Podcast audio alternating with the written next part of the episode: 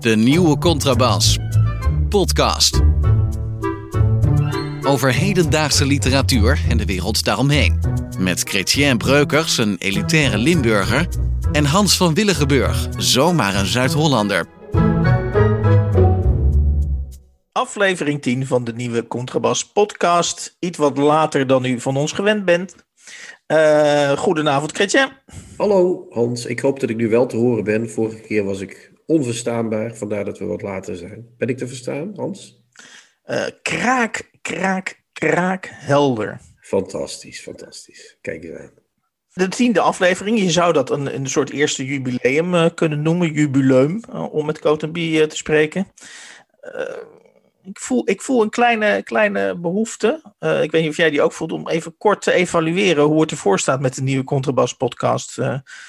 Wat doen, we, wat doen we goed volgens jou en waar, waar, zit, waar zitten verbeterpuntjes? Ja, ik, ik voel de behoefte op zich nooit om, om te evalueren, maar we gaan het wel doen. Want het is wel goed om het eventjes uh, te willen doen.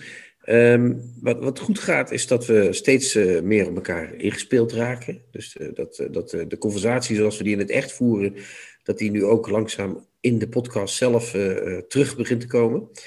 En misschien maken we wel nog wel eens fouten. Zijn we te enthousiast over een onderwerp waardoor we ons laten meeslepen? Uh, zijn we iets te makkelijk met gasten? Zijn we iets te vrolijk in ons oordeel? Ik weet het niet. De, de, de, als ik zelf terugluister, denk ik wel eens: oké, hier had ik wel wat scherper kunnen zijn. Dus dat, dat vind ik van mezelf nog wel een verbeterpuntje. Iets scherper nog. Ja, en als ik naar mezelf terugluister, dan denk ik van jeetje man. houd nou eens op. Uh, laat het, uh, doe dat nou eens wat vloeiender. Laat die zin nou eens eventjes lekker. Doe er nou eens wat olie in. Doe er nou, en dan, dan gaat het, loopt het wat beter. Dus dat, dat is inderdaad een erg. Terwijl je altijd bij... vraagt om samenvatting. Je wil altijd dat we het samenvatten. Hè? We moeten altijd duidelijk zijn. En dat doe ja, je dat is de journalist in mij. Die, altijd, die, die wil dan op een gegeven moment wil, wil uh, mezelf en de luisteraar op, op één. Uh, op één, uh, uh, ja, hoe zeg je dat? Uh, Eén lijn of één duidelijke ja, lijn? Ja, op één lijn houden, zodat iedereen nog begrijpt, de, die rol die dicht ik mezelf dan vaak toe, dat, dat iedereen nog begrijpt waar we ongeveer zitten. En een soort plaatsbepaling in het gesprek, inderdaad.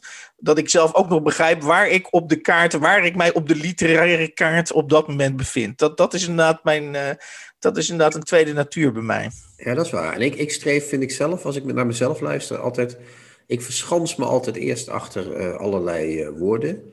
En dan maak ik mezelf, ondanks het feit dat ik soms een oordeel vel, toch min of meer onzichtbaar. Dat vind ik ook raar, maar dat gebeurt wel. Dus ik hou mezelf eerder onzichtbaar. Ik probeer juist weg te kruipen voor dat, voor dat oordeel. Wat ja. mij heel erg opvalt, en dat is luisteraars ook opgevallen, is dat jij, dat jij natuurlijk heel goed opgevoed bent. Is dat jij altijd, jij, jij vraagt soms het woord, hè, van Hans, mag ik het woord? En, en, en, en, en, en, en, je, en, en met andere woorden, um, ja, je blinkt uit in goede manieren. En wat, wat ik leuk, ten eerste vind ik dat heel prettig. En ten tweede is het des te leuker als je vervolgens knalhard uh, uh, uit de hoek komt uh, met een met het uh, ja, uh, terzijde schuiven van een debutant. Uh, daar kan ik dan wel van genieten. Ja, het gekke is dat ik helemaal niet zo opgevoed ben. ik ben juist in mijn gezin waar ik ben opgevoed, daar nam iedereen gewoon het woord. Dat was echt totaal niet de vraag of je dat woord zou kunnen krijgen of niet. Dat was gewoon een kwestie van neem het maar, dan beginnen we vast. En dat heb ik altijd heel vervelend gevonden. Dus daarom ben ik degene die wel eens zegt van als je het niet erg vindt, ga ik nou wat zeggen. En daarna ga ik wel inderdaad uh, all over the horn. En ik zou, ja, nou ja, deze twee dingen, zo samenvattend, hè, dus mijn houding en jouw houding. Ik vind het leuk om van mensen die luisteren te horen wat ze daarvan vinden. Ik heb heel vaak, uh, ik heb een aantal mensen die vast reageren nadat ze een aflevering van onze podcast hebben geluisterd. En dat, dat vind ik heel fijn. En dat zijn er ook veel, meer dan tien. En ik vind het ook echt fijn, en dat meen ik niet alleen maar uit een soort beleefdheid van onze luisteraars zijn mij zeer dierbaar, bla bla bla.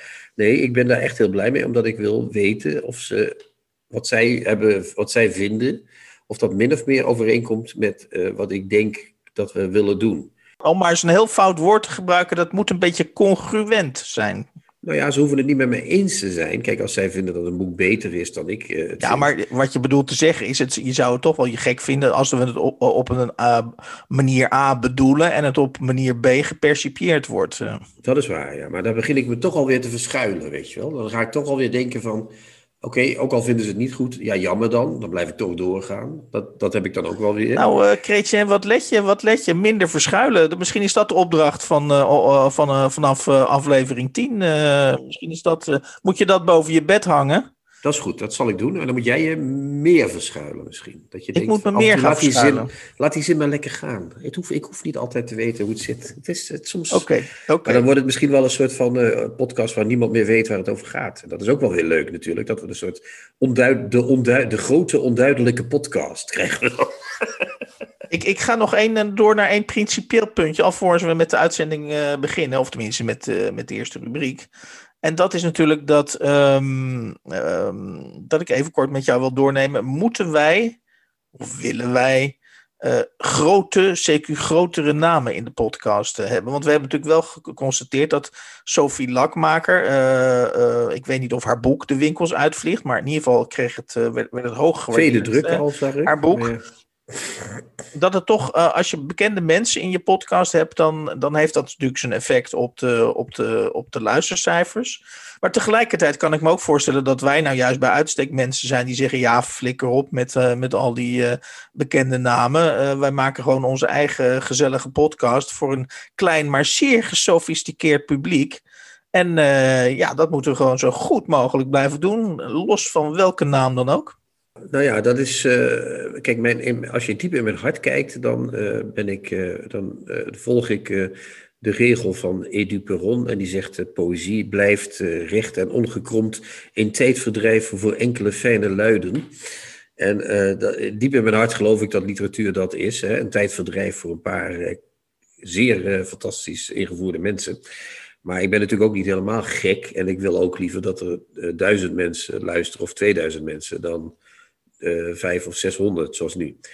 Dus, uh, wat, maar wat is bekende namen dan in dat verband? Nou ja, goed, de, de, de, de grote schrijvers, de Wieringa's, de Pfeifers. En, en, en binnenkort gaan we geloof ik spreken met Thomas de Veen. Hij is uh, recensent bij de NRC. Ja, dat is dan misschien een iets mindere grotere naam. Maar hij is, hij is in ieder geval bij, bij het literatuurminnend publiek is die, uh, is die redelijk bekend. Dus daar hebben we het dan over. Ja, dan zouden we die moeten doen. En dat denk ik dat dat kan.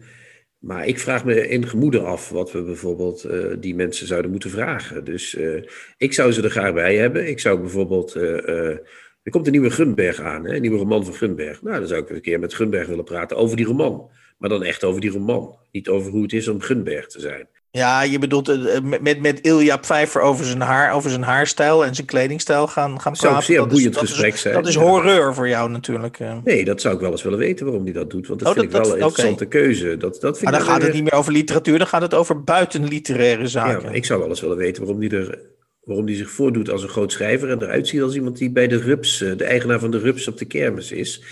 Maar dat is, uh, dat is niet de kwestie die meteen hem uh, het meest na aan het hart ligt, denk ik. Maar ik, ik, ik zou met al die mensen wel eens willen spreken, maar dan echt niet zomaar om het aantal luisteraars te vergroten, maar meer om, om dan moet er echt een echte aanleiding zijn om eens met ze te praten.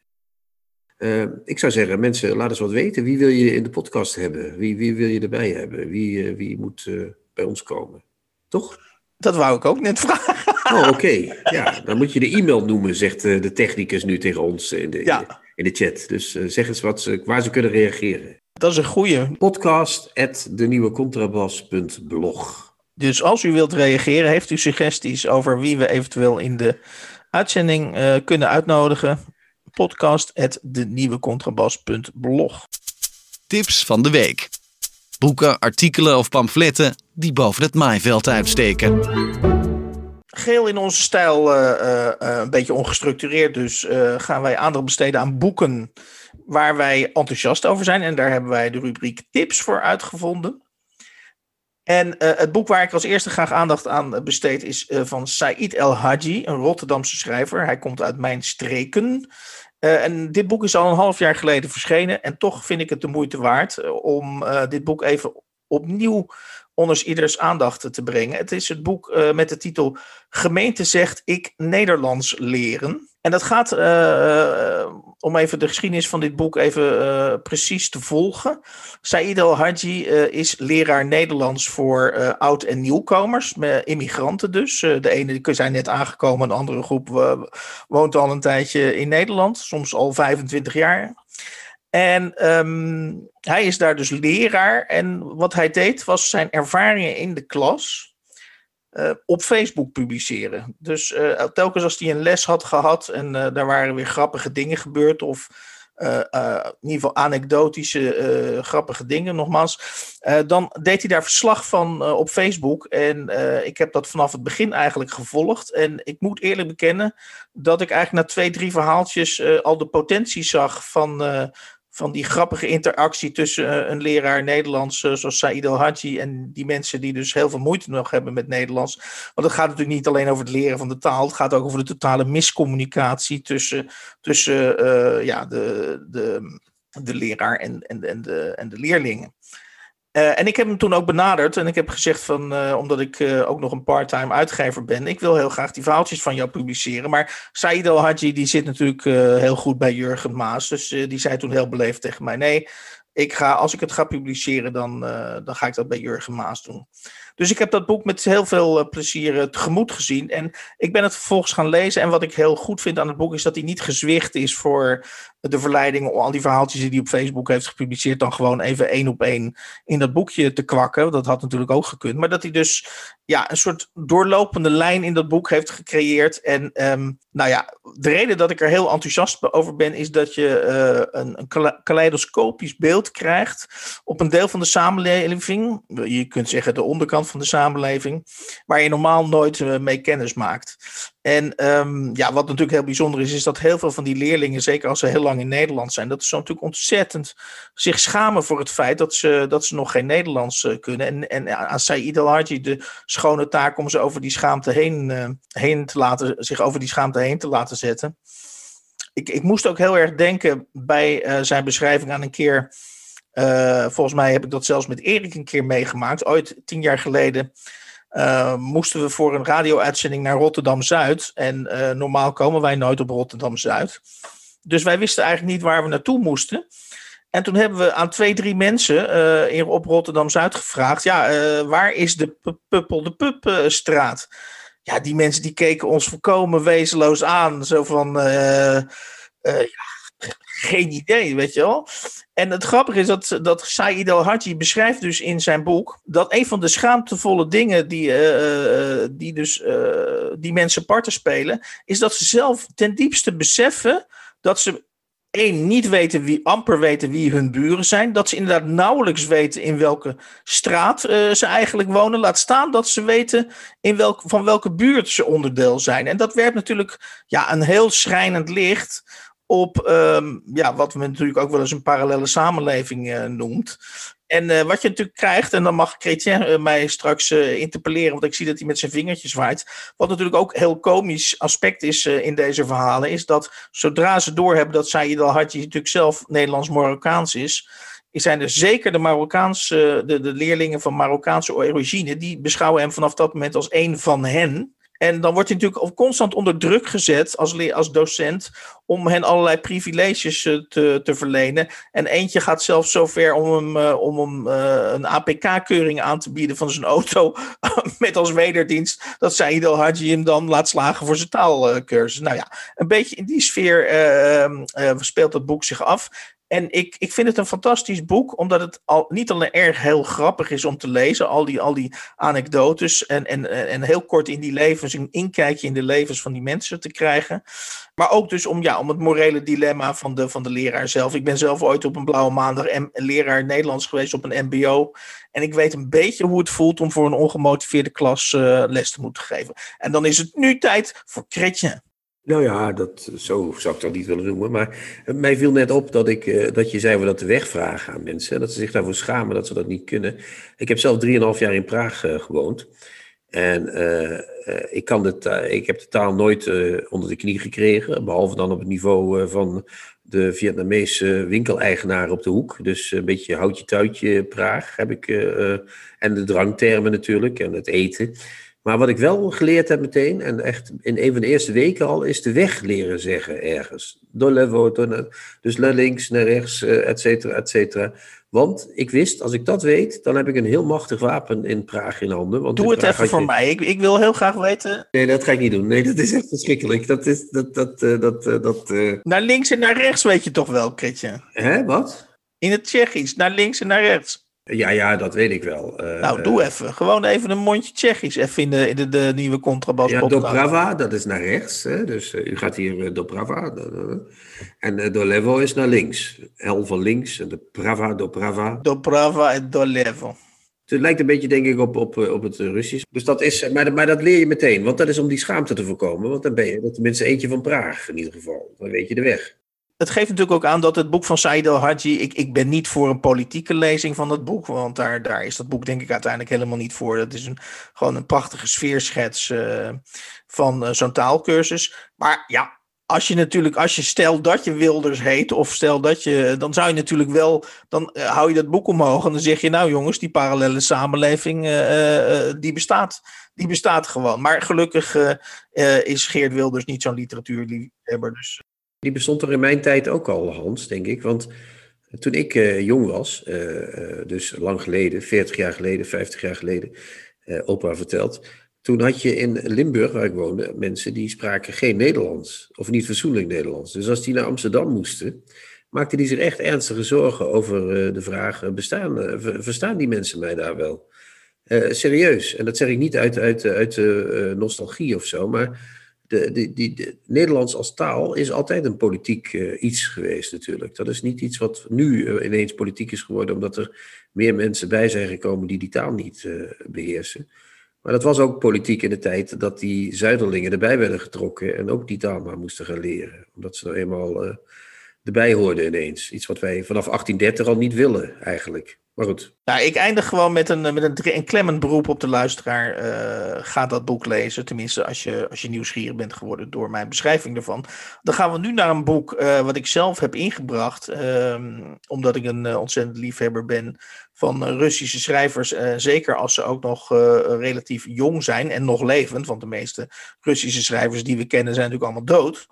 En dat is het, de verhalenbundel onlangs bij Van Oorschot uitgekomen. De verhalenbundel De wereld is niet stuk te krijgen van Maxim Osipov. En ik ben er heel enthousiast over. En dat het levert, ik weet niet of dat interessante, uh, interessante uh, luistermateriaal oplevert. Want, Kritje, jij bent ook heel enthousiast. Nou ja, ik ben, jij bent al verder dan ik. Ik, ben, ik kreeg het boek wat later dan jij, dus ik ben net begonnen. maar ik ben heel enthousiast over zijn manier van vertellen. Ik kan ook wel in het kort even, heel kort even zeggen waarom. Aan de hand van het begin van het boek zelfs. Uh, dat, het, eerste boek heet, of het eerste verhaal heet De roep van een tamme vogel. In plaats van een voorwoord. Prachtig eigenlijk al, in plaats van een voorwoord. Maar goed, en dan begint hij met een prachtige alinea. Uh, ik lees even voor. De provincie is als een warm en niet al te schoon huis, dat toevallig wel je eigen huis is. Je kunt het ook anders bekijken, oppervlakkig, als buitenstaander. Dat is wat veel mensen die er niet uit vrije wil zijn komen wonen doen. De provincie, dat is vieze natte sneeuw, duisternis. Nog het aardigste dat je over de bewoners kunt zeggen is dat ze niet te benijden zijn. Ik ben net uh, zelf in Nijmegen gaan wonen, vrijwillig, mag ik er wel even bij zeggen. En het sneeuwt daar nauwelijks, laatste beetje, hè? maar dat was overal in Nederland. Maar het is wel zo dat je dan in de provincie woont. En als ik dit lees, dan uh, zie ik meteen ook uh, Nijmegen voor me. En dat is natuurlijk heel flauw, maar dat is wat literatuur vaak wel doet. Het opent met een beeld iets wat je of aan de wereld kunt relateren of aan je eigen situatie. En als een schrijver je met één alinea al meteen zo in, in, in, in het verhaal kan trekken, is wat er, en dan heeft hij een witregel en dan zegt hij, het lawaai van de vogels op het erf verjaagt het kwaad dat in de nacht aan kracht wint. En dan, nieuwe alinea, een ochtend in het ziekenhuis. Op een bed ligt een magere, naar sigaretten stinkende man. Een chauffeur met een infarct. Geen tam huis-aan-huis vogeltje. Nou ja, dat is toch dat perspectief verschuiven. Gewoon eventjes in, in, in zes of zeven zinnen. Huppakee, beeld, verhaal en het gaat over deze figuur. Nou ja, als je dat met, als schrijver kunt, dan kun je echt schrijven inderdaad. Dat is echt niet mis, is dat. Ik moest heel erg denken, toch een beetje aan die uitspraak van John Lennon, geloof ik. Uh, life is what happens to you while you're making other plans. Ehm, wat, ik, wat ik zo, fascinerend vind, uh, aan mijn, misschien ook deels aan mijn eigen fascinatie voor die Russische schrijvers, is dat ja, ze gevoelsmatig toch zo, dat het echt heel anders is. Ook net wat jij voorleest, dat is daar een goed voor, wel een goed voorbeeld van. Is dat ze gewoon op een hele andere manier vertellen. Uh, zeker dan Anglo-Saxische uh, schrijvers gewend zijn te vertellen. En, dan, en dat ik voor mezelf dan probeer te benoemen waar dat verschil dan in zit. Ja. En uh, nou, wat ik, ik, ik, ik, ik, zeg niet dat ik, ik, ik doe er ook maar een gok naar, maar volgens mij zit het grote verschil in die Anglo-Saxische versus die Russische literatuur, is dat in een Anglo-Saxische literatuur is een soort, uh, ja, hoe zeg ik dat, uh, een soort individualistische uh, literatuur waarin je kennis maakt met een personage die een ontwikkeling gaat. Dat is volgens mij een heel essentieel woord bij Anglo-Saxisch vertellen. Ook bij Hollywood-films natuurlijk, is dat de personage maakt Psychologie. Maakt een ontwikkeling door. En wat ik fascinerend vind aan die Russische literatuur, is dat volgens mij, en dat, dat zeg jij eigenlijk ook weer met deze beginpassage, is dat elke hoop op een soort ontwikkeling onmiddellijk uh, uh, de bodem in wordt geslagen. Van, oh jee, die komt uit de provincie. Nou, denk maar niet dat hij er ooit nog vandaan komt. Of dat de stempel die de provincie op die man drukt, dat hij daar ooit aan gaat ontsnappen. En in de westerse manier van denken uh, zou je dan zeggen: ja, maar waarom moet ik dat verhaal dan, dan nog lezen? Uh, terwijl, ja, die Russische schrijvers die, die beschrijven vervolgens zo, in mijn ogen zo, ja, hoe moet ik dat, ik weet, uh, ik weet niet hoe ik dat moet zeggen, maar, maar zo stemmig, ja, de, um, hoe het leven daar dan is, dat, je, dat je aan hun, vind dat, dat die, uit, die uitwerking heeft op mij, dat je aan hun lippen blijft hangen. En um, Volgens mij heeft het te maken met iets anders ook. Uh, de, de, de, de Angels, wat jij dan de Anglo-Saxische, maar dat zou je dan bij uitbreiding de westerse manier van ja. vertellen kunnen noemen. Dat is er vaak eentje die met psychologie samenhangt. Met van de, de, ontwikkeling van personages en die zo, zo, zo, zo. En dat komt omdat hij vroeger slechte jeugd had. Dit Precies. En, dat. En wat ik bij die Russen, bij die Russen vaak uh, terug zie, is dat dat vertellen, dat is in een hele diepe wezen, op een hele diepe wezenlijke manier is dat katholiek vaak, orthodox katholiek. Dat hangt Oh. allemaal, alles hangt met elkaar samen. De hele, de hele, eh, het hele verhaal eh, is niet eh, het verhaal van een personage wat zich ontwikkelt. Zo'n personage is de hele wereld meteen. Het personage is niet alleen zichzelf, het is ook de geschiedenis. Het Russische, eh, de, de, de, de, het, lot, eh, het, het, eh, de, de, de ellende van de mensheid. Alles, alles zit in die mensen dan meteen. En dat is een hele organische, eh, bijna eh, samenhangende. En ik, ik noem dat katholiek. Voor mij is dat heel katholiek. Ik ben zelf eh, katholiek en ik ervaar katholicisme als een soort hele grote samenhang van allerlei dingen. En dat is voor mij katholiek vertellen, wat die mensen doen. Orthodox katholiek vertellen. Oké, nou ik weet, ik, ik zit niet zo goed in de religies, dus daar, daar ben jij mijn superieure. Maar ik heb juist altijd begrepen dat eh, de Russen een, een diep geworteld wantrouwen tegen het, ka- de katholieke kerk eh, hebben. En dat het eh, een van Ja. de redenen is waarom ze eh, principieel wantrouwend tegenover het Westen staan. Eh, maar goed, ik ken, ik ken de exacte kerkgeschiedenis van de Russische orthodoxe versus de katholieken. Dat ken ik allemaal niet zo goed, dus daar wil ik me niet in begeven. Wat, waar, ik, waar ik naar door wil, en dat misschien wel eh, ook heel illustratief is voor Osipov is dat je op een gegeven moment heb je het verhaal ehm, eh, de renaissance man. En dat gaat over een, eh, een oligarch. Nou ja, dat is dus, dan zit je dus midden in het hedendaagse Rusland. En in een Anglo-Saxisch verhaal zou je dan al gauw, zou je natuurlijk iets, zou je denken, nou als je binnen bent en je bent geslaagd en, eh, en het, het geld komt met scheppen binnen, dan ga je iets leuks met je leven doen of zo. Of dan ga je iets uitproberen. Maar, maar deze oligarch, eh, wat gaat die doen? Die gaat eh, eh, een historicus en een muziekleraar inhuren, omdat hij vindt dat hij, ja, hij, moet, hij, hij weet wel dat hij veel geld heeft, maar hij schaamt zich toch een beetje voor zijn gebrekkige culturele ontwikkeling. En ook zijn liefdesleven is niet echt je dat. En nou ja, dat eigenlijk is die, dat, dat verhaal de renaissance man is dus een, verslag van iemand die dus eigenlijk alles heeft. Maar ja, het is een Rus en het is Russische lit- literatuur. Dus dat eindigt er dan mee. Hoewel, ja, dat is dan misschien een, eh, de- even een... eh, maar ja, het, het eindigt slecht. Laten we, laten we het daar maar even, even op. En Dat komt toch weer overeen met wat ik net zei. Die man die hangt meteen weer samen met de rest. Met de geschiedenis, met de muziek, met de cultuur. Alles aan die man eh, trekt eh, nog steeds, eh, datzelfde trekt nog steeds aan hem. Die hele Russische ziel kun je niet afleggen. Ook al ben je miljardair. Net zoals misschien, misschien is Poetin in diepste wezen ook wel heel ongelukkig. En is hij de hele dag krijgt hij les in Tolstoy en in Dostoevsky en in Ozipov misschien wel. Om, om, om, om zijn, zijn, zijn, zijn gruwelijke bestaan als oppervlakkige politicus nog een beetje leuk op te poetsen. Maar dan is nog, nog steeds de vraag natuurlijk, nog even los van de interpretatie van Ozipov en de Russische literatuur.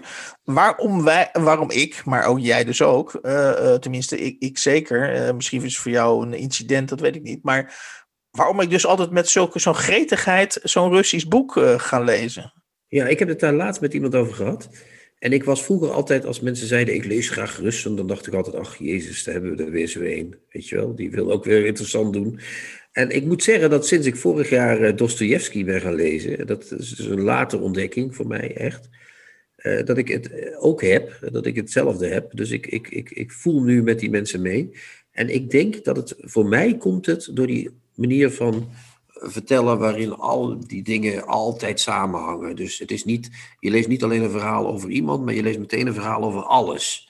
Ze hebben meteen een hoge inzet. En de prachtige manier van vertellen, die, die, die, die gedreven manier van vertellen, die alle Russen, ook al zijn ze nog zo verschillend uh, met elkaar uh, gemeen hebben.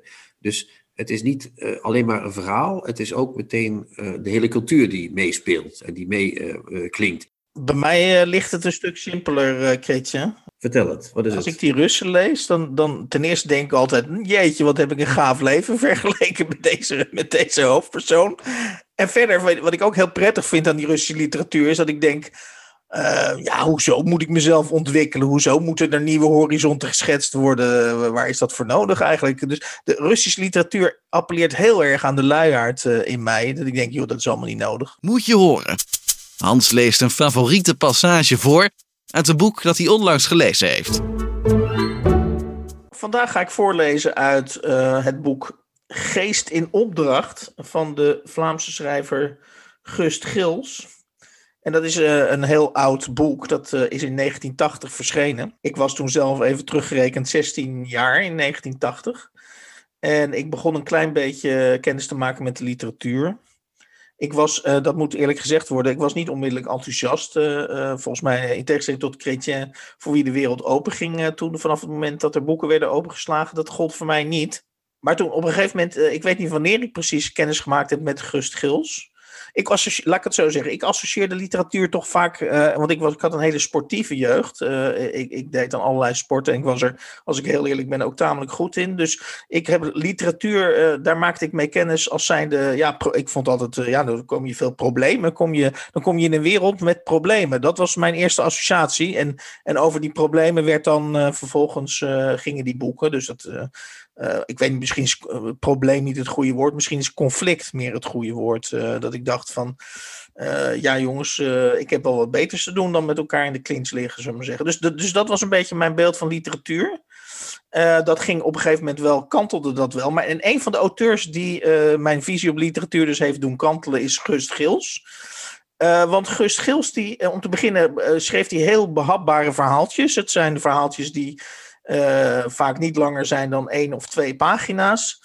En bovendien uh, deed hij ook geen enkele poging om problemen te creëren of om personages te creëren. Nee, hij, hij schreef over echt uh, ja, knotsgekke situaties. En, en, en eerlijk gezegd deed het mij, als ik er nu achteraf aan terugdenk, had, heb ik het idee dat het een soort strip, stripverhaal in literatuur eigenlijk was. Met andere woorden. Uh, er kwam veel acrobatiek en veel, uh, uh, ja, hoe zou ik het zeggen? Um, veel, ja, vooral acrobatiek kwam erin voor. Dus het was niet psychologisch. Nou, ik heb dus, hij heeft heel veel bundels geschreven, Gust Gils, het is een Vlaming. En een van die bundels is dus uh, Geest in opdracht. Uh, uh, hij is volgens mij zelfs de uitvinder van een, van een hele nieuwe term, paraproza. dus met andere woorden, hij gaf de dingen die hij zelf schreef, die gaf hij qua, genre aanduiding, gaf hij die dus ook een hele nieuwe naam. Dus hij vond misschien zelf ook dat hij een heel nieuw soort literatuur schreef, een heel nieuw soort genre beoefende. Zal ik beginnen, Chrétien, of uh, wil jij nog iets over Gust Gils zelf kwijt? Nee, je hebt het nu mooi gezegd tot nu toe, dus ik zou zeggen shoot. Oké, okay, dit verhaal heet Doorwaadbare Plaats. Er is nog maar één plaats waar je als verbaal voetganger kunt oversteken. De stroom auto's is even ononderbroken als non-verbaal. En je daar je weg doorheen praten, dat kun je niet. Verkeerslichten zijn al sedert jaren afgeschaft als uit den boze. Die veroorzaakten alleen maar tijdverlies. Ook voetgangersbruggen behoren tot het verleden. Die zakten toch maar in elkaar bij het onophoudelijk gedaver van het verkeer. Tunnels niet minder. Bleef het probleem hoe je te voet aan de andere kant van de autostrade moest geraken. Doorheen datzelfde verkeer, dat zich tientallen malen sneller voortbeweegt dan de snelste voetganger. De enige plaats waar dat nog tot de mogelijkheden behoort, is deze wat een grappenmaker genoemd heeft, doorwaadbare plaats. De weg beschrijft hier een van zijn zeldzame bochten en dat noopt het autoverkeer ertoe zijn dolle vaart iets te minderen. En daarvan kun je als voetganger dan profiteren. Niet door, even, niet door over te steken al lopend, zo raak je geen twee meter ver. Je moet jezelf vermannen als voor een duik in ijskoud water. Een fikse aanloop nemen en springen zo hoog en zo ver als je maar kunt. Vanzelfsprekend word je door auto's geraakt. Maar je bent immers met je voeten van de grond en je wordt van de ene auto naar de andere gekaatst. De kunst is jezelf zo compact mogelijk samen te ballen en daarbij toch al je spieren ontspannen te houden.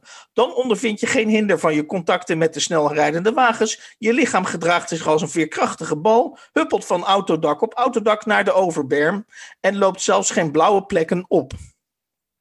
Een beetje kennis van ballistiek. Het zij intuïtief, het zij verworven en vergelijkbaar met degene die een goed biljartspeler bezit, is natuurlijk geen overbodige luxe om je deze vaardigheid behoorlijk eigen te maken. Enig benul van defensieve Japanse vechttechnieken evenmin. Op deze manier is het zogenaamde overwaden tot een regelrechte kunde geworden, waarin niet weinigen zich hebben bekwaamd tot het virtuoze toe. Er worden zelfs wedstrijden gehouden om het eerst aan de overkant. En er bestaat een record, 1 seconde en 4 tiende. Onwaarschijnlijk snel als je bedenkt dat de autostrade zes rijvakken breed is. Aanvankelijk werd deze wijze van oversteken van overheidswegen verboden. Zogenaamd te gevaarlijk. Hoe je dan als voetganger moest geraken waar je zijn wilde, werd er niet bij verteld. Morrende massa's langs de bermen van de snelweg kwamen tenslotte openlijk in opstand, gingen van het spandoek dragen en slogans schreven over tot daden, bekogelden de voorbijsnorrende wagens met stenen, wierpen kopspijkers en kapotte flessen op het wegdek. Gevolg de massale kettingbossing van de eeuw. Onder hels gekraak en geknars en gegier kwam de hele enorme metalen slang snel verkeer tot stilstand. Auto's sloegen over de kop, benzinetanks ontploften, alles raakte in de fik en enkele vierkante kilometers autowrakken brandden uit. De slachtoffers raakten nooit geteld, laat staan geïdentificeerd. En enkele dagen lang, terwijl de opruimingswerken duurden, konden de voetgangers weer vrij oversteken, gewoon te voet, voor de laatste maal. Daarna gold het stilzwijgend gesloten compromis.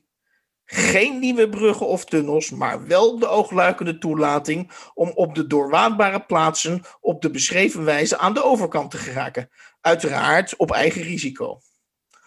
Want al is die doorwaadtechniek veel meer een kwestie van durf dan van echt acrobatisch kunnen en lijkt ze moeilijker dan ze is, helemaal ongevaarlijk is ze niet. Debutanten en ouderen vandaag willen wel eens een keer sneuvelen.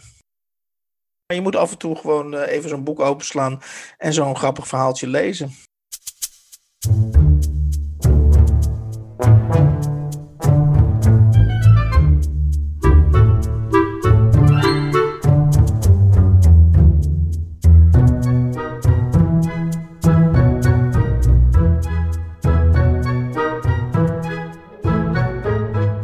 Uitzending geleden hadden we Mark Bonte, waar we zeer mee vereerd, OMT-lid.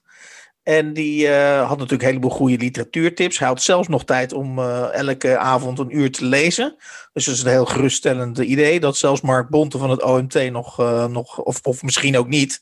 Maar goed, hij heeft dus nog tijd om ook literatuur te lezen. En hij riet toen aan, als echt een, een, een, een, werkelijk een fascinerend en, boek, um, uh, Leven en Lot van Vasily Grossman. En we hebben die tip natuurlijk ademloos van hem uh, mogen ontvangen. Maar het komt, de eer komt Chrétien toe dat hij daadwerkelijk het boek heeft aangeschaft. En dat hij nu dus nu bezig is in dat fantastische boek. En ik, ik moet eerlijk bekennen, ik heb er nog de tijd en de rust niet voor. Dus ik heb tegen Chrétien gezegd, dit is zo'n magnum opus. Uh, ik weet niet met welk boek uh, Bonte het vergeleken heeft, maar hij was oorlog er echt... en vrede, oorlog en vrede. Met oorlog en vrede, dus hij was er echt lyrisch over. Dus nu wil ik uh, in etappes van jou weten, want ik kan niet van jou eisen, Chrétien, dat je dat natuurlijk in één keer helemaal in één ruk uitleest. Wil ik graag in etappes van je weten ja, hoe dat bevalt. En je hebt alvast een passage voor ons uitgekozen uit dat fantastische boek. Ja, ja, het is een boek van 900 uh, pagina's, ruim 900 pagina's. Uh, dus inderdaad, uh, oorlog en vrede materiaal qua lengte. Of de gebroeders Karamazov, dat, dat werk. Hè? Niet van het kleine, dunne boekjes, zoals bij Das Mag verschijnen. Maar huppakee, meteen, boem, het hele boek in één keer.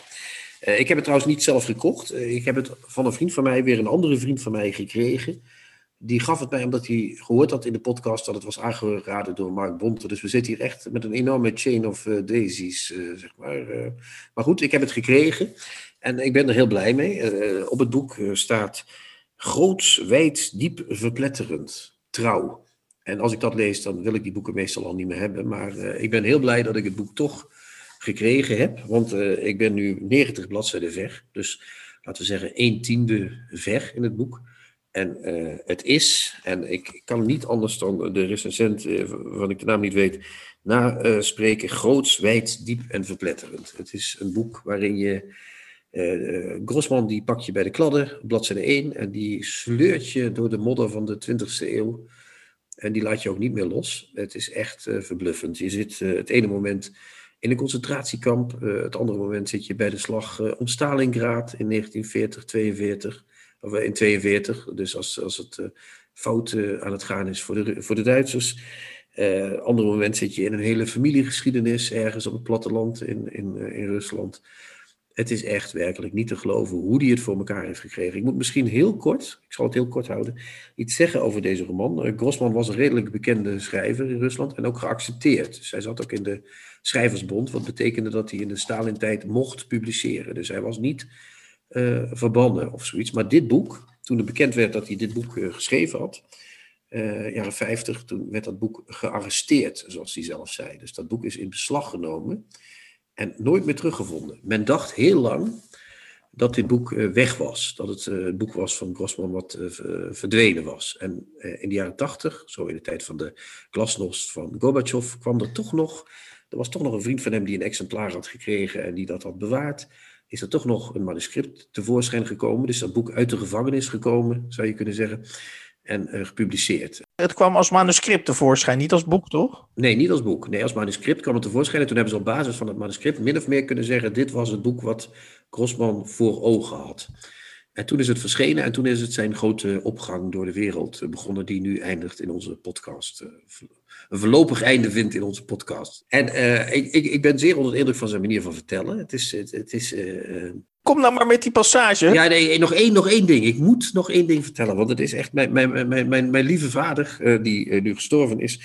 Die zat een keer met mij naar een film te kijken. En toen zei hij: Het is net alsof het echt gebeurt. En ik vond dat toen een naïeve opmerking. Maar dat is precies wat er gebeurt als je dit boek leest. Je hebt steeds het gevoel: Hier ben ik bij. Dit is niet beschreven. Dit, ik maak dit mee. En nu komt de passage eh, terug te vinden voor de liefhebbers op bladzijde 41 van de vertaling.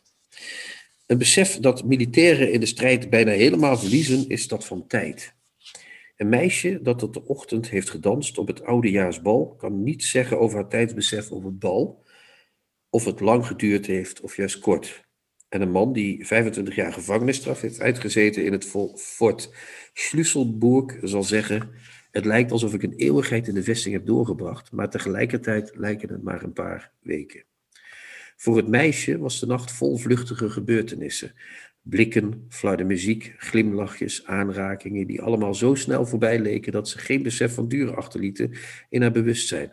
Maar de som van die korte gebeurtenissen heeft een indruk doen ontstaan van een lange tijdspanne die de volle vreugde van het menselijk leven bevatte. Bij de gevangenen is het omgekeerde gebeurd. Zijn 25 jaren in de gevangenis zijn opgebouwd uit ondraaglijk lange afzonderlijke tussenpozen. Van het ochtendappel tot het avondappel, van het ontbijt tot het middageten. Maar de som van die armzalige gebeurtenissen blijkt een nieuw beeld op te leveren. In de grauwe eentonigheid van de opeenvolgende maanden en jaren is de tijd ingekrompen, verschrompeld. En zo ontstaat de indruk van kortheid en eindeloosheid tegelijk, zowel bij mensen op een oudejaarsfeest als bij mensen die decennia in de gevangenis doorbrengen. In beide gevallen is het eindresultaat een sensatie van duur en kortstondigheid tegelijk. Het proces van de deformatie van het tijdsbesef bij een man tijdens de strijd is ingewikkelder. We zitten hier in de slag om Stalingrad, even voor de duidelijkheid. Hier gaat het verder en worden ook de individuele, primaire waarnemingen vertekend en vervormd. Tijdens het gevecht worden de seconden opgerekt en de uren geplet. De indruk van duur is verbonden met bliksemsnelle gebeurtenissen, het gefluit van granaten en vliegtuigbommen, de flitsen van schoten en explosies. De sensatie van kortheid is gekoppeld aan langgerekte episodes. Het oversteken van een omgeploegd veld onder vuur, het kruipen van de ene schuilplaats naar de andere. En gevechten van man tegen man vinden buiten de tijd plaats. Hier manifesteert de onbepaaldheid zich zowel in de componenten als in het resultaat en worden zowel de som als de delen, waarvan er hier oneindig veel zijn, vervormd. Het beseffen van de duur van de strijd is over het geheel genomen zo diepgaand vertekend dat het een volstrekte onzekerheid wordt die niets met duur of kortheid te maken heeft. In de chaos van verblindend licht en verblindende duisternis, daverende explosies en ratelende machinepistolen, in de chaos die zijn tijdsbesef aan flarden scheurde, begreep Krimov met uitzonderlijke helderheid dat de Duitsers verslagen en verpletterd waren. Hij begreep het, net als de soldaatschrijvers en de ordonnansen aan wier zijde hij vocht, volkomen intuïtief. Fantastisch, ja. Hij, heeft dus een, hij beschrijft hier een prachtige epifanie van de, de, de hele, heel Stalingrad staat op zijn kop, alles wordt kapotgeschoten en toch begrijpt hij ineens, wij gaan de Duitsers verslaan. Het is, het is echt... Happy end ook. Je zou het een happy end kunnen noemen, behalve voor al die miljoenen die toen uh, omgekomen zijn. Maar het is wel een soort happy end. Ja. Happy end. Happy end, oké. Okay.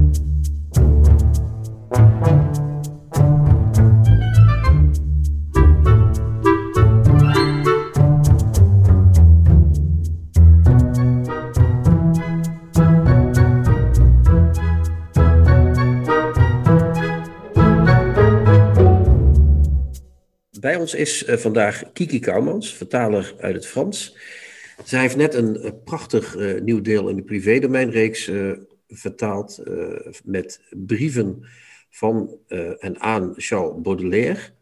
het boek heet Mijn hoofd is een zieke vulkaan, prachtige titel. Baudelaire is op 9 april aanstaande 200 jaar geleden geboren, Kiki. Dat is misschien de reden waarom dit boek nu verschijnt. Ja, het is daar wel een beetje omheen gepland. Maar het was eigenlijk per toeval dat ik erop stuitte een paar jaar geleden. En zag dat er allemaal brieven nog niet vertaald waren in Nederland. Ja, en Baudelaire is uh, een, uh, een, grote dichter, grote naam uit de Europese literatuur. Hè? Een, een modernistisch, pre-modernistisch dichter. decadent, een aparte figuur. Vertel eens iets over die Baudelaire. Wat, wat, wat, wat was het voor figuur? Dat is een zeer brede vraag, maar we komen wel uh, ter zake zo tijdens het gesprek. Ja, als vertaler ben ik echt een inzoomer. Uh, ik zit natuurlijk tijd te pielen met kleine stukjes uh, tekst en zo. Maar ja, de privédomein is eigenlijk een manier om te zien wat voor persoon hij eigenlijk was. Um, ja, dus, en aan de hand van de brieven zie je dus dat het best wel een, ja, complexe persoon is. Uh, met allerlei, heel veel ambities, maar ook heel veel uh, onvermogen. Dus hij heeft allemaal plannen. Uh, dat zit eigenlijk ook een beetje in de titel. Hè. Het is een vulkaan, maar hij hapert wel. want hij, eigenlijk is Les Fleurs du Mal, hè, dat is het bekendste werk, zijn meesterwerk. Dat is eigenlijk bijna meteen zijn enige werk. Ik bedoel, hij heeft ook nog wel andere boeken uitgegeven, maar uh, ja, met proza-gedichten, de spleen, de pijn. Essays natuurlijk, over kunst, heel veel. Ja, over kunst. En vertaling, heel veel vertalingen van um, Edgar Allan Poe. Maar in ieder geval had ook in die brieven blijkt dat hij ook nog heel veel andere plannen had. Toneelstukken, roman. Hij, ging heel, hij zou romans gaan schrijven. Uh, dus het is, nou ja, in ieder geval, je krijgt dus aan de hand van het boek, het is zeg maar geen literaire puur literaire correspondentie met allemaal uh, eloquente uiteenzettingen van zijn poëtica. Maar het is allemaal gedoe en met geld en... Uh... We moeten misschien een stapje terugzetten eventjes, want uh, eh, 1821 is hij dus geboren, hè? Mm -hmm. de, de, 19e eeuw. Maar nog niet de, de, de hoogte, het hoogtepunt van de 19e eeuw, was een beetje de pre-moderne tijd, zal ik maar zeggen, nog net.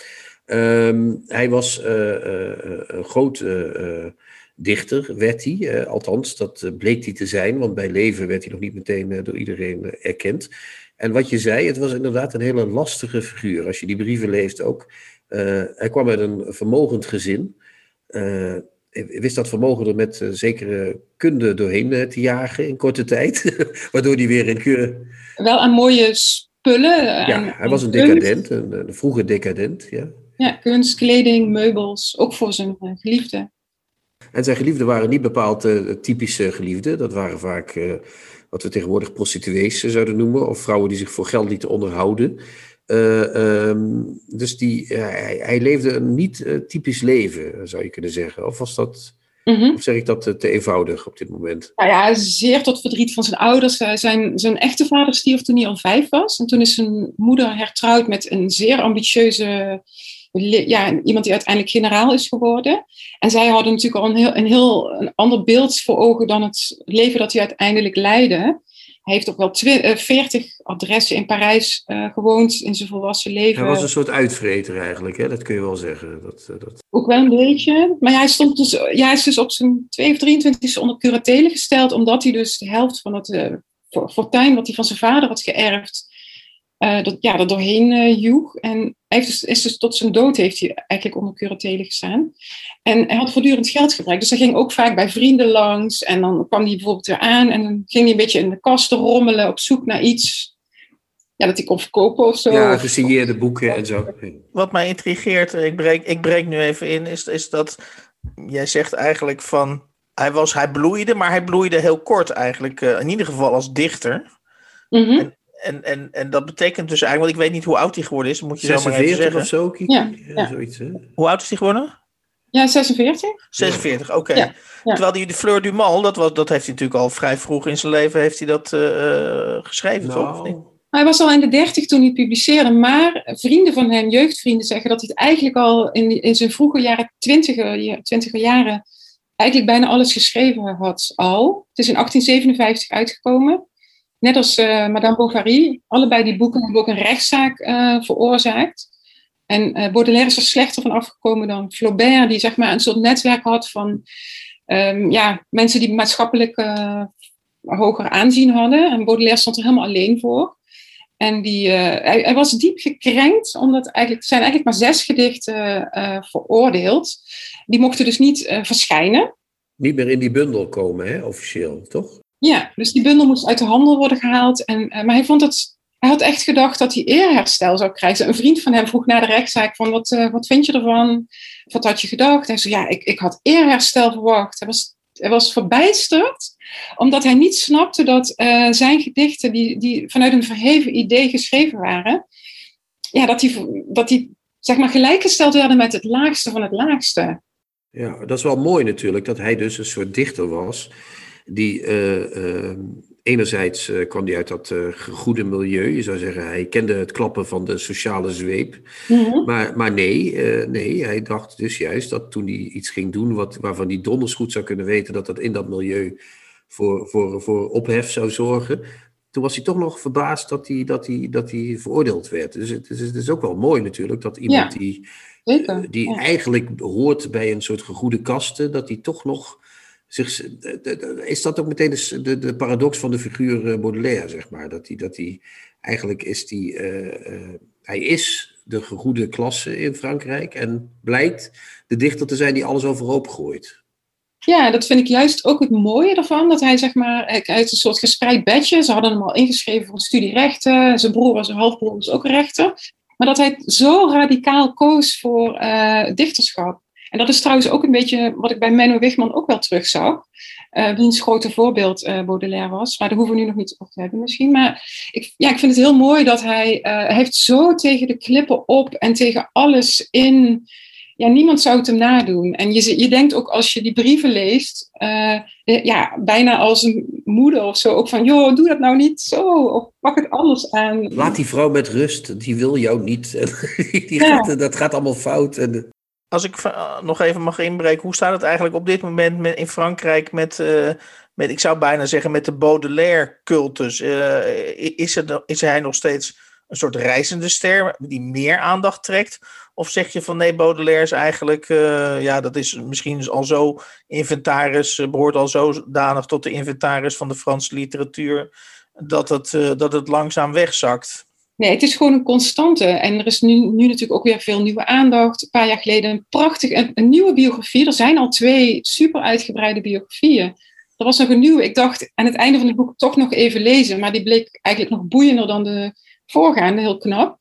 En er is nu weer een ander boek, uh, ja, ook over hem. En, maar het is gewoon een, een, het is iemand die, een ster die voortdurend schijnt. En er wordt ook niet minder gelezen. Of ja, misschien wel minder gelezen. Maar het blijft een ontzettend belangrijke figuur. En er zijn ook en is er iets specifiek Frans aan hem dat je zou zeggen dat je kan zeggen, nou Baudelaire, dat had onmogelijk een Engelsman of een Duitser kunnen zijn? Ja, dat is weer zo'n echte Hans van Wilgenburg vraag. ja, ik, ik, ik kijk ook niet zo van afstand misschien naar Frans. Ik ga een paar keer per jaar naar Parijs en ik uh, doe daar mijn ding en ik ben blij met wat er allemaal is en uh, archieven, weet ik veel. En ja, wat is Frans? Ja, ja, je zou van Baudelaire volgens mij, maar, maar ik, ik heb er misschien niet genoeg verstand van, maar van Baudelaire zou je wel kunnen zeggen uh, kijk, we hebben nu die brieven in, dit uh, boek uh, gelezen. En dan zien we dat het een getroubleerde figuur is. Hè? Dat het echt een, een, een, man is die niet met geld kan omgaan, die syfilis krijgt en daardoor krankzinnig wordt. niet krankzinnig, dat wil ik echt. Maar op het laatst van zijn leven was hij toch redelijk. Hij kon niet meer praten. Maar... Niet, nee, oké, okay, dat hij dus ja. verstand verliest. Hou, hou hem maar scherp hoor, Kik. Ja, nee, je hebt gelijk. Nee, je kon zich niet meer uiten, sorry. Maar dat was wel een gevolg van die ziekte, wat toen nog niet behandelbaar was natuurlijk. Dus daar, kon je nog niet uh, tegen Ja, weet je wat ze deden? Kwik moest je nemen. Kwik, ja, dat lijkt me niet, niet heel verstandig, misschien achteraf bekeken. Maar goed, enfin, dus uh, I stand corrected. Uh, hij, werd, hij kon zich niet meer uiten op het laatst. dat, dat enerzijds dat getroubleerde, getroubleerde leven Anderzijds uh, denk ik dat hij de eerste is in de poëzie die sommige onderwerpen erin getrokken heeft, die er normaal gesproken niet in zaten in poëzie. En dat is misschien ook waarom hij zo super verbaasd was dat hij veroordeeld werd. Hij dacht, hoe kan ik nou veroordeeld worden voor iets wat voor mij, hij was echt letterlijk een vernieuwer van de poëzie. En welke, onder, welke onderwerpen waren dat dan? Ja, ik, ik, ik stel me even op als een buitenstaander. Maar kijk maar naar de, de, de titel, de, de bloemen van het kwaad. Want hij het kwaad verbindt met het schone. Dat is heel vernieuwend. En dat hij, ja, dat hij ook het, het, het lelijke liet zien. En ook overigens het, het stadsleven de poëzie binnenhaalde. Hij zat in een tijd dat de romantici, die zaten de natuur te bezingen en hun eigen oh, zieltje daarin. Gemoedsbewegingen, ja. Ja, en hij, hij had geen, er was niks, niks was heilig. Of eigenlijk alles was heilig. Dus het, het kwaad was ook heilig. En daarom vond hij het ook zo raar dat hij veroordeeld werd. Want hij, hij opereerde als het ware vanuit een nobel idee van alles alles mag benoemd worden. Uh, je mag ook de lelijkheid van uh, een vrouw of... Uh, ja, er waren geen taboes eigenlijk. Oké, okay, wat me ook intrigeert is, is, is hoe, de, hoe, het in Nederland met de waardering voor Baudelaire zit. Vinden we het maar een beetje een rare snuiter die, er, die er een beetje bij hangt? Of heb je in Nederland ook echte Baudelaire-adepten? Of misschien zelfs wel een bloeiende vereniging met Baudelaire-adepten? Nou, ik denk dat met wat een beetje in, het is met Baudelaire misschien wel wereldwijd, maar of ook zelfs in Frankrijk. Er zijn heel veel. Het blijft iemand die mensen inspireert. Je ziet altijd weer nu weer. Marlene Dumas heeft schilderijen aan hem gewijd. Het komt overal terug: muziek, uh, bandjes, uh, popmuziek, uh, schilders. Het, het, komt in heel veel kunsten. Is hij een constante factor? Hij blijft dus altijd mensen inspireren. Misschien ook wel door de positie die hij als kunstenaar had. maar het lezen, ik denk dat in Nederland wordt hij echt al heel lang weinig gelezen. En ook heel laat pas, hè, gek genoeg. Hij is in 1821 geboren. En de tachtigers, die dus in 1880 ongeveer begonnen met, uh, met publiceren, die hebben niks over Baudelaire gezegd. Hè? Die hebben het volledig gemist. Ja, alleen Frans Erens die heeft prachtig, echt schitterende alinea's over hem geschreven.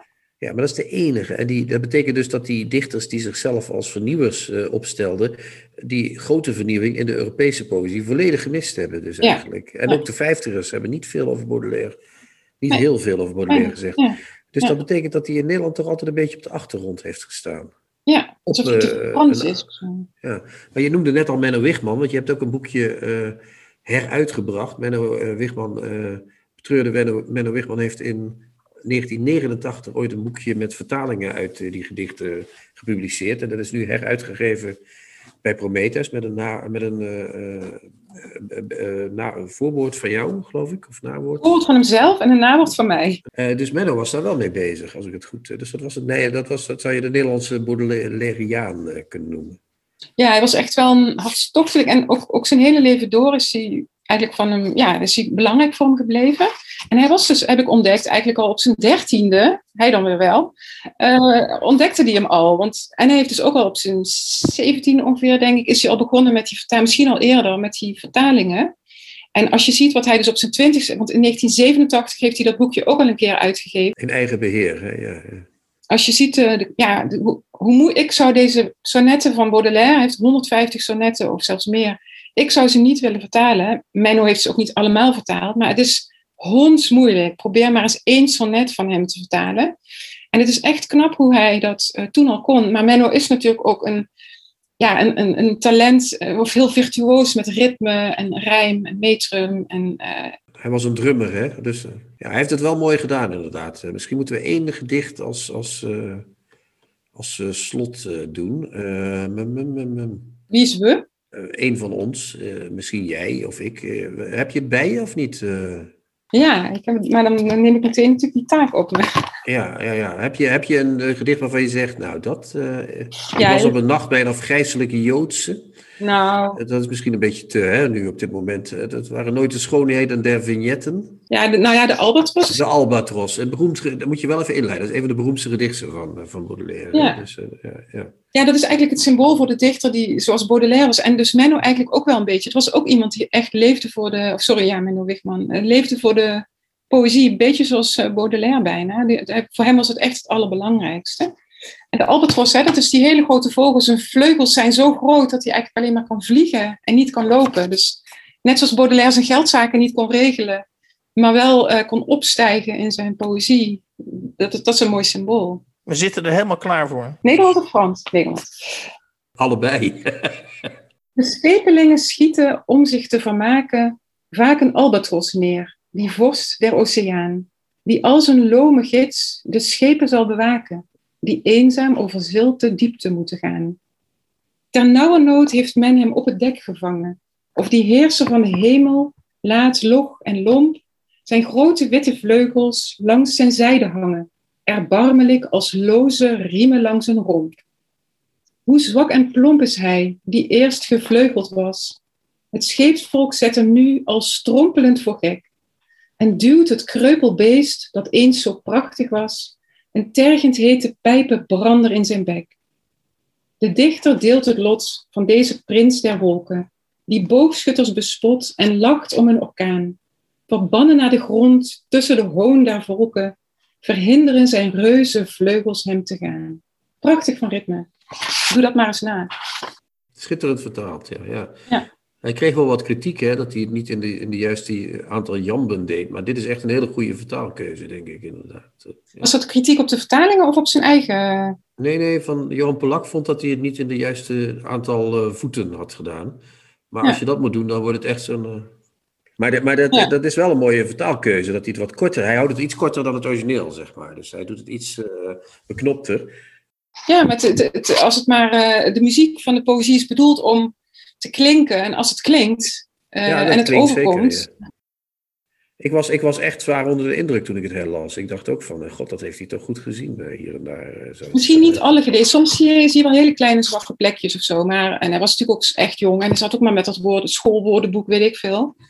Maar, ja, toen was je nog niet op Google alles, kon je nog niet alles opzoeken natuurlijk. Dus ja, het was echt een prestatie. Ja, ja, grappig. Een prachtig gedicht.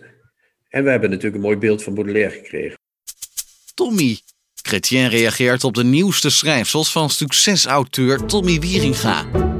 Het is een columntijd in Tommy Land. Uh, Tommy begint zijn column van 27 maart 2021 met de domineestruc. Die ken je wel, hè Hans? Nee, die ken ik niet.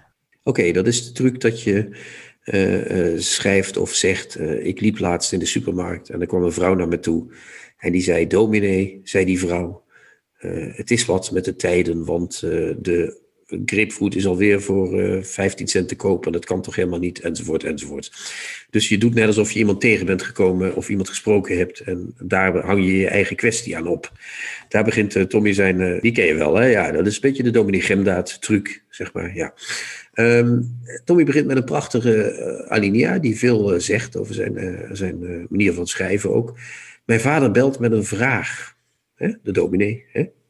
Ik kwam mijn vader tegen en die zei: Zoon, zei die vader. Nee, dat zegt hij niet. Mijn vader belt met een vraag. Zeg, wat is dat eigenlijk, woke? Het is een retorische vraag. Hij weet best wat dat is.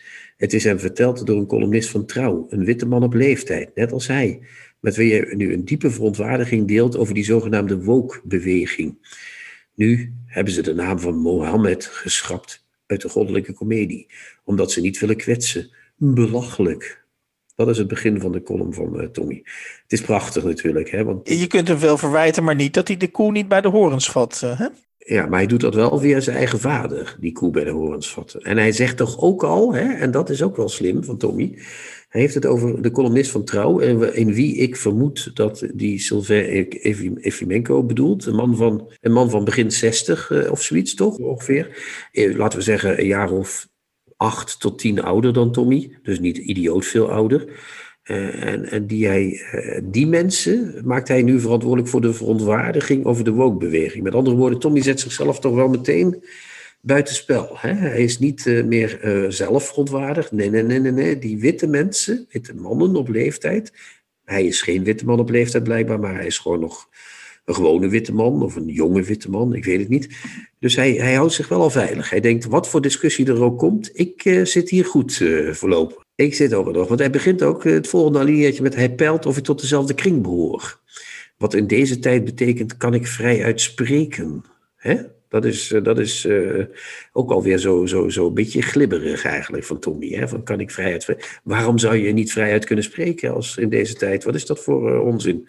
Het kan misschien repercussies hebben, maar goed, het, is, het is mogelijk om vrijheid te spreken. Maar dat, dat, dat eindigt die, die alinea met de prachtigste zin uit de column, namelijk het is een teken van beschaving om de Johan Derksen in jezelf te onderdrukken zegt hij. Dat is een echte Tommy-zin. Daar zijn we bij de. Als je hebt over de koe bij de horens vatten, dan zijn we echt eh, bij de spoedelskern. Maar het woord beschaving is denk ik, want, want eh, ik, kijk, uh, ik weet van jou dat je, dat je denkt dat je niet zo houdt van het woord beschaving, toch? Ik hou wel van beschaving, maar ik vind om je te beroepen op beschaving, dat vind ik een teken van zwakte eigenlijk. Uh, ja, dat, dat is het eigenlijk. Dus ik hou er wel van, maar om je erop te beroepen, vind ik uh, meestal een slechte zaak. Zijn we al tot de crux van deze Tommy gekomen? Of? Nee, er komt nog wel een, er komt nog een crux, maar wat ik hier wil wat hij hier doet is, is, is alweer zoals in het begin is, is uh, zeggen van, ja, hij, hij, maakt zijn eigen positie veilig. Ik ben geen Johan Derksen. Ik ben niet zo'n platte populist met, met, met zo'n borstelsnor die daar op een of ander, in een of ander televisieprogramma een beetje iedereen de, de maat neemt. En hij is niet racistisch, hij is niet seksistisch, hij is niet verkeerd, hij deugt. En dan eindigt hij naar allerlei onafvolgbare stijlbloempjes met een alinea waarin hij echt weer hetzelfde doet als wat hij vaker probeert, namelijk aansluiting zoeken bij de moderne mens. Hè? Want Tommy wil toch een beetje zijn lezerspubliek actueel houden. Hij wil niet alleen uh, voor oude witte mannen schrijven, maar hij wil ook voor jongeren uh, schrijven. Hij wil relevant blijven, dat is het. Hij eindigt met een prachtige alinea. En uh, daar refereert hij weer aan die Mohammed-kwestie. Dat is dat, hè, die hebben wij nog niet besproken, die kwestie. Maar dat is die kwestie daar waarin uh, een hertaling van Dantes de hel uh, ontdaan is van de naam Mohammed. hij eindigt met de prachtige alinea. Wees moedig in je ongemak. Zong afgelopen weekenden, weekende, weekeinde rapper Typhoon op televisie. Een schitterend advies dat ik ook in gesprek met mijn vader herhaal. In een gedachtenwisseling die via Mohammed bij Van Heuts, Napoleon en Marokkaanse jongeren om, om uitkomt. Zo, nu weet ik wel een beetje wat woke is, zegt hij tot besluit, uh, Tommy's vader dus. En vind ik het nog steeds absurd dat Mohammed uit de goddelijke komedie is verdwenen. Ik heb gezegd, einde citaat van de vader van Tommy, en dan komt het, wat hij gelijk heeft eindigt Tommy zijn column dan. En dat is zo prachtig natuurlijk, want Tommy laat erin echt en merken dat hij het toch wel met zijn vader eens is. Hè? Eigenlijk vindt hij het ook allemaal maar flauwekul. Maar omdat hij relevant wil blijven, moet je moedig zijn in je ongemak. En ook Tommy neemt het ongemak, hè, niet de koe bij de horens, maar het ongemak bij de horens. En leidt ons uh, onwetende witte mannen en onwetende lezers door het mijnenveld van de gevoeligheden. Ik vind het echt iedere week weer smullen. Ik kan er echt niet genoeg van krijgen, Hans.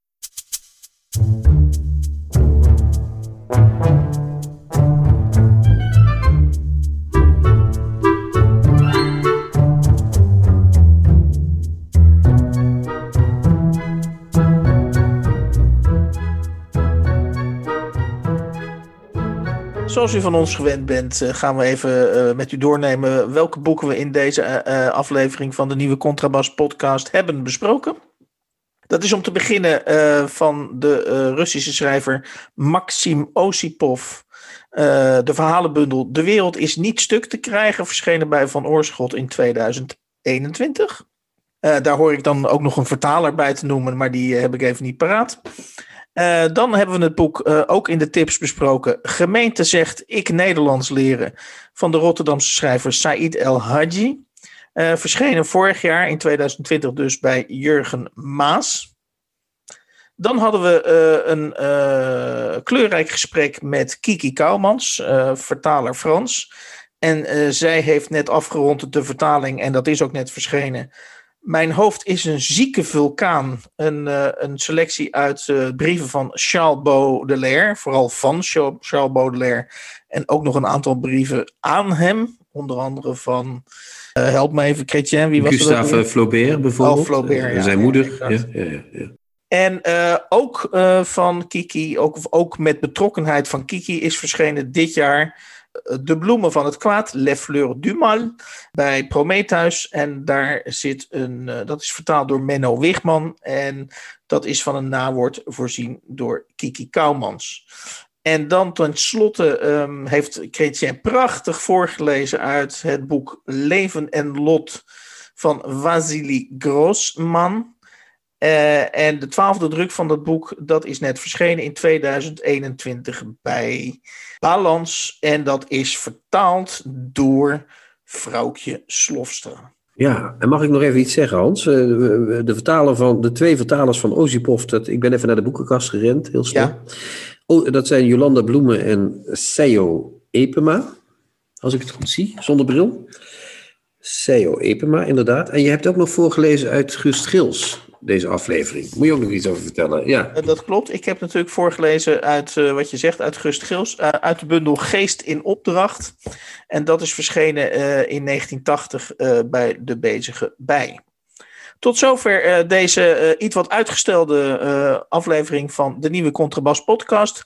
Wil je reageren op, de, op deze podcast? Dan kun je een mailtje sturen naar ons via podcast.denieuwecontrabas.blog.